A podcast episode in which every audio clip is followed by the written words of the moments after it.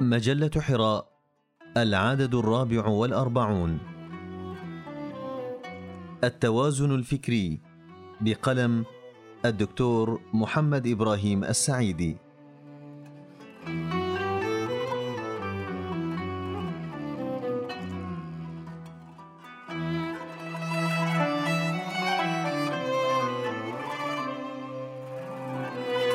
ما أعنيه بالتوازن هو الابتناء على المعطيات الصحيحة في نظري لتكوين الأفكار. والاتزان لا يعني صواب الفكرة بل صواب طريقة التفكير. فإن من مفارقات الفكر أن سلوك طريق واحدة فيه لا يؤدي بالضرورة إلى نتيجة واحدة. وقبل الاستغراق في هذا المعنى يحسن أن أبدأ في ذكر مفهومين للفكر. فإننا حين نستعرض كشافات الاصطلاحات العلمية القديمة نجد أن الناس بين عالم ومتعلم وجاهل. وربما وجد في بعض الأوساط مصطلح المتكلم والفيلسوف. وفي العصر الحديث وجد مصطلحان ليس لهما وجود حسب علمي في تراثنا القديم وهما الثقافة والفكر. ويأتي منهما المثقف والمفكر. ويحار الناس كثيرا في تحديد معناهما ومن ثم يحارون في مواضع إطلاقهما. وحديثنا عن الفكر خاصة فالذي يظهر لي أن أكثر من يتعاطى هذا المصطلح في ثقافتنا العربية المعاصرة يريدون به التصور الإجمالي والتفصيلي لواقع ما من حيث كنهه وعوامل تكوينه ومآلاته وطرق تحسينه وعلاج آفاته. وتقييد التصور بالإجمالي والتفصيلي ليشمل الإدراك بنوعيه عند المناطقه الذين يقسمون الإدراك إلى تصور وهو الإدراك المتجرد عن الحكم وتصديق وهو الإدراك المتضمن للحكم. والواقع يشمل الواقع الديني والسياسي والاجتماعي والثقافي والاقتصادي لمجتمع ما. فكل تصور لهذا الواقع في أي جزئية من جزئياته يعد فكرا. ولهذا يمكن القول إن الفكر بهذا المفهوم مشاع بين الناس. فكل إنسان لديه تصور لما يحيط به مما ذكرنا لكن الناس يختلفون في مكانة تصوراتهم باختلاف درجاتهم من حيث حصولهم على المعلومة ونوعية تعلمهم وبصيرتهم إلى غير ذلك من الفروق الفردية بينهم. وهذا الفهم لمعنى الفكر يتوافق إلى حد كبير ومفهوم علماء النفس الاجتماعي للرأي العام. وعليه يمكن القول إن الفكر يساوي في كثير من مظاهره ما يسميه علماء النفس الاجتماعي وخبراء الإعلام بالرأي العام.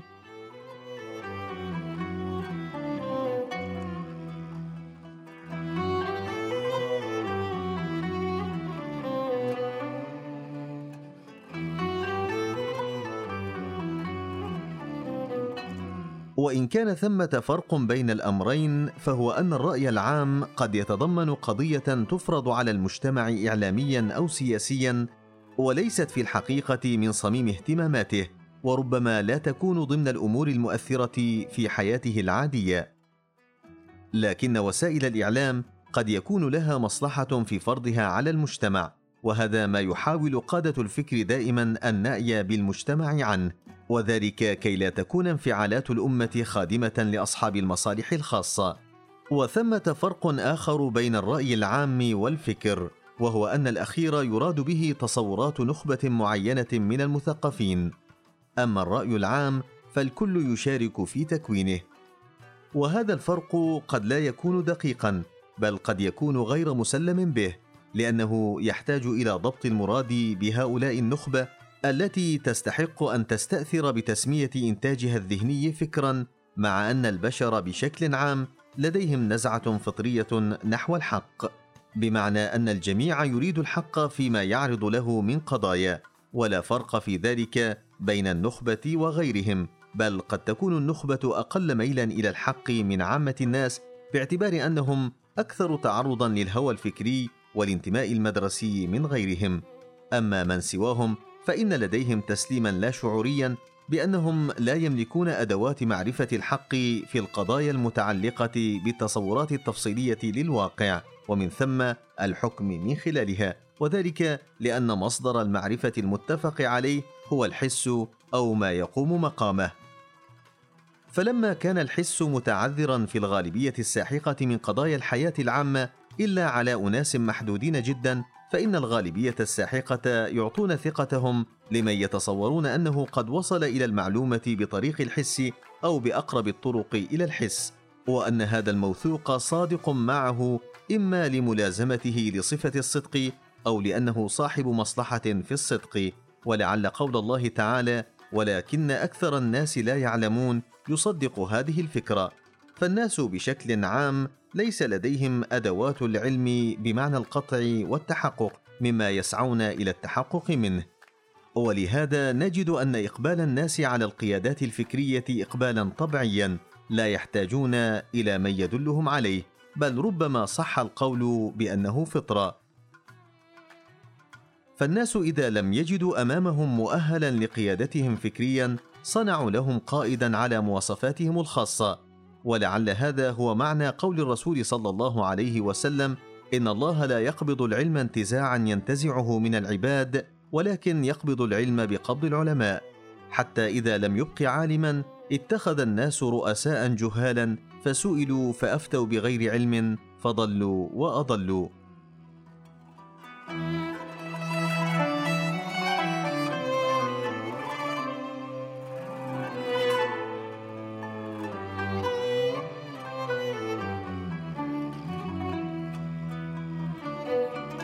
ولك أن تتأمل في قوله صلى الله عليه وسلم اتخذ الناس. فالناس إذا لم يكن المؤهل لقيادتهم فكريا أمامهم اتخذوا من تلقاء أنفسهم قائدا فكريا ولو لم يكن مؤهلا. والناس يعرفون الموهوب والذكي ومن يملك القدرات الثقافية والخطابية التي تمكنه من التأثير وجذب الأتباع. لكن ليس كل من يستطيع تكوين قاعدة جماهيرية بهذه الصفات والأمثل حتما لقيادة الأمة فكريا. آليات التوازن الفكري.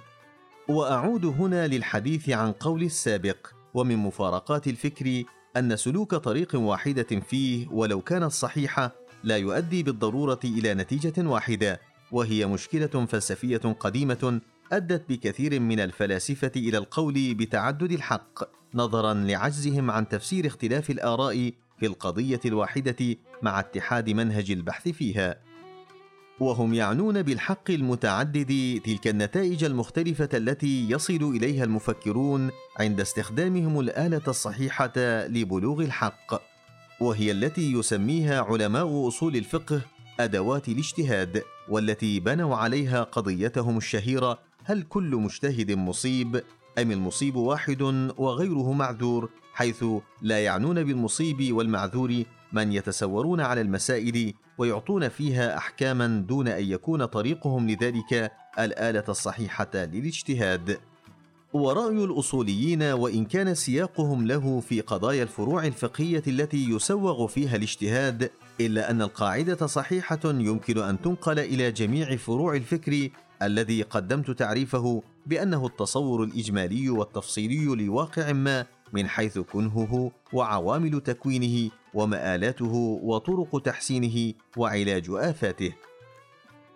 وعندما قسم العلماء الإدراك إلى تصور وتصديق، فإنهم أرادوا بذلك أن من لا يملك التصورات الصحيحة لا يمكن أن يصل إلى التصديقات الصائبة، وامتلاك التصورات الصحيحة هي في الحقيقة أدوات الاجتهاد في مسألة من مسائل الفكر.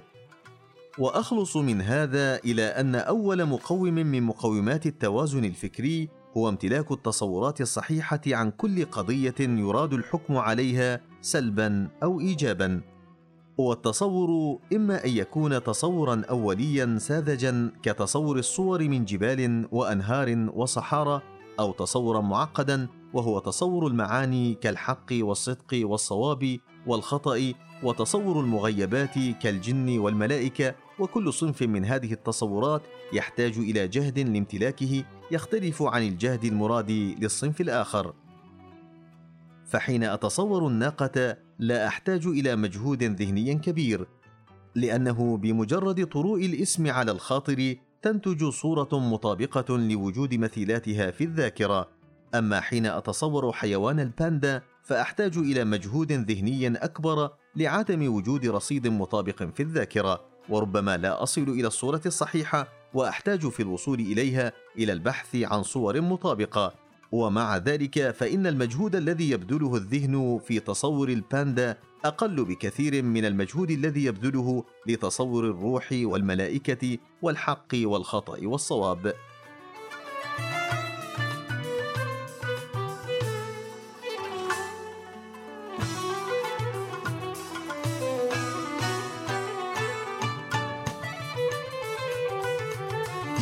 تأتي مشكلة التوازن الفكري حين يتعامل الذهن مع التصورات المعقدة بالطريقة نفسها التي يتعامل بها مع تصورات ساذجة فيبذل في كليهما مجهودا ذهنيا متساويا.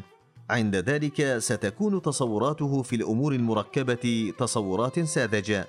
اذا فالحصول على تصورات صحيحة هي أولى معطيات التوازن الفكري لأن التصورات هي مفردات التفكير كما أن الحروف هي مفردات اللغة. وربما أن التعبير لا يمكن أن يكون صحيحا بغير حروفه الموضوعة له فالفكر لا يمكن أن يكون مستقيما دون تصورات صحيحة. والحصول على التصور الصحيح هو مسؤولية المفكر نفسه وأيضا مسؤولية المستهلك نفسه. والقيام بها المسؤولية المنوطة يحتاج إلى جهد يتوانى الكثير ممن يمارسون الكتابة في القضايا الفكرية عن تحصيله. وكذلك المستهلكون للفكر فلم يعد لديهم الجلد حتى على تحليل الأفكار إلى تصوراتها الأولية لفحصها. فجمع التصورات عند كثير من الكتاب أو فحصها عند نسبة أكبر من المستهلكين يتم بطريقة متقاربة في كل القضايا التي يتطرقون إليها. بعد جمع التصورات تأتي مرحلة إحداث النسبة بينها لتكوين ما يسميه المناطقة بالتصديق وهو كما قدمت الإدراك المتضمن للحكم. فالتصديق هو نسبة التصورات إلى بعضها فبعد أن أتصور القطب الشمالي وأتصور معنى التجمد وأتصور معنى تمركز الشمس وانحرافها أحكم على القطب الشمالي بأنه متجمد. فقولنا القطب متجمد تصديق مبني على عدد من التصورات أدت النسبة الصحيحة لبعض إلى البعض الآخر إلى هذه النتيجة. والأفكار الكلية أو الجزئية هي مجموعة من التصديقات يجري العقل النسبة بينها لتكون الفكرة. وبذلك يمكن مناقشة كل فكرة من خلال نقد التصورات الأولية التي بنيت عليها أو نقد أي من التصديقات المؤسسة لها أو نقد النسبة بين التصديقات المكونة لها. وكلما كانت التصورات ناشئة من مصادر صحيحة للتصور كانت أكثر مناعة عند النقد. وكذلك النسبة بينها أو النسبة بين التصديقات تعتمد مناعتها على مدى صحة نسبة بعضها إلى البعض أو ترتب بعضها على بعض.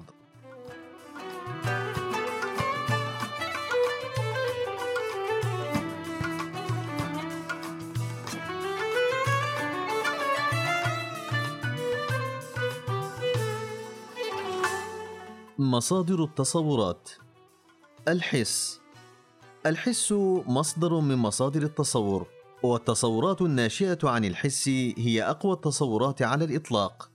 ولذلك كان استخدام القرآن الكريم للتصورات الحسية كثيرا كمقدمات صغرى وكبرى للوصول إلى نتائج عقلية.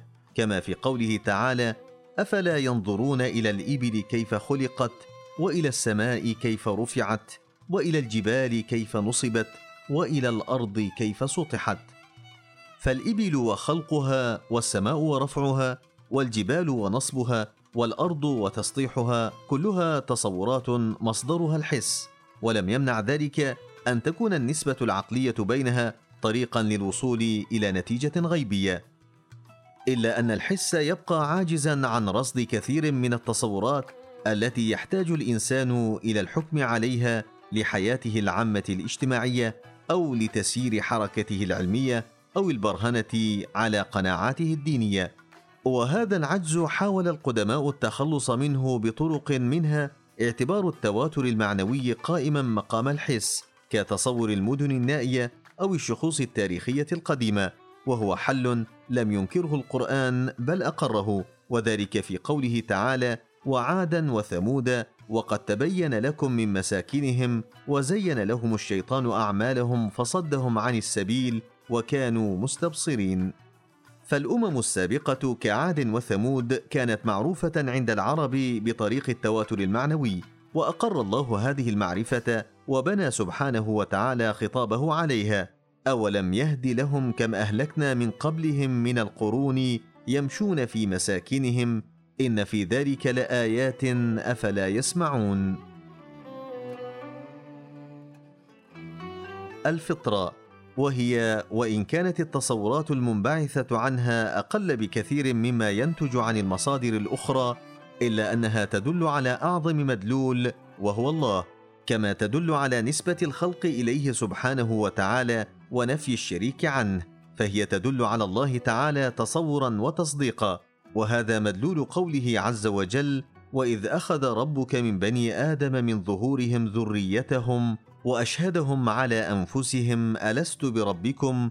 قالوا بلى شهدنا أن تقولوا يوم القيامة إنا كنا عن هذا غافلين. أما ما سوى ذلك من مدلولات فمن الفلاسفة المثبتين للفطرة من يثبتها ومنهم من ينكرها.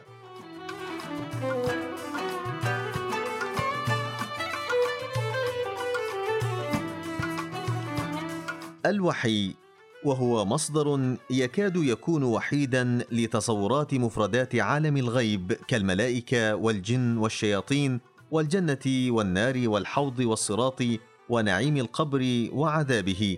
وبذلك يكون مصدرا وحيدا أيضا لما يتعلق بها من تصديقات.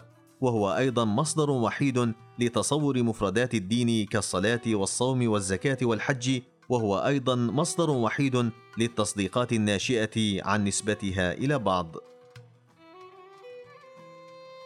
خبر الموثوق وهو مصدر صحيح للتصورات شريطة أن يكون الموثوق منطلقا في نقله عن أحد مصادر التصور الصحيحة المتقدمة.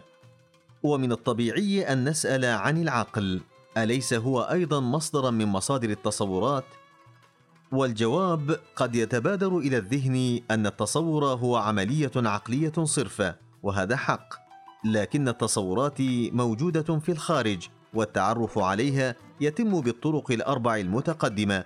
وليس للعقل قدرة على استحداث تصورات من تلقاء نفسه وإنما هي ذاكرة لتلك التصورات التي يتعرف عليها العقل بطريق الحس أو الوحي أو الخبر المتواتر أو خبر الموثوق.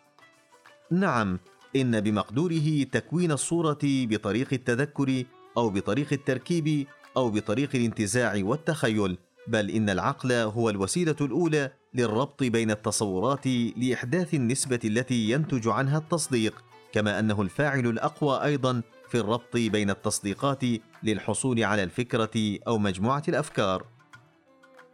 كل ذلك صحيح لكنه لا يعني أنه مصدر من مصادر التصور. بل هو الآلة الوحيدة لحفظها والتحكم فيها. ومن أسباب الاضطراب الفكري اعتبار العقل مصدرا للتصورات. فإننا نجد أن هناك فئة تقيم تصديقاتها على تصورات مصدرها العقل. والحقيقة أن كل تصور مصدره العقل ليس له وجود خارجي حقيقي. فهو إما متخيل وإما موهوم.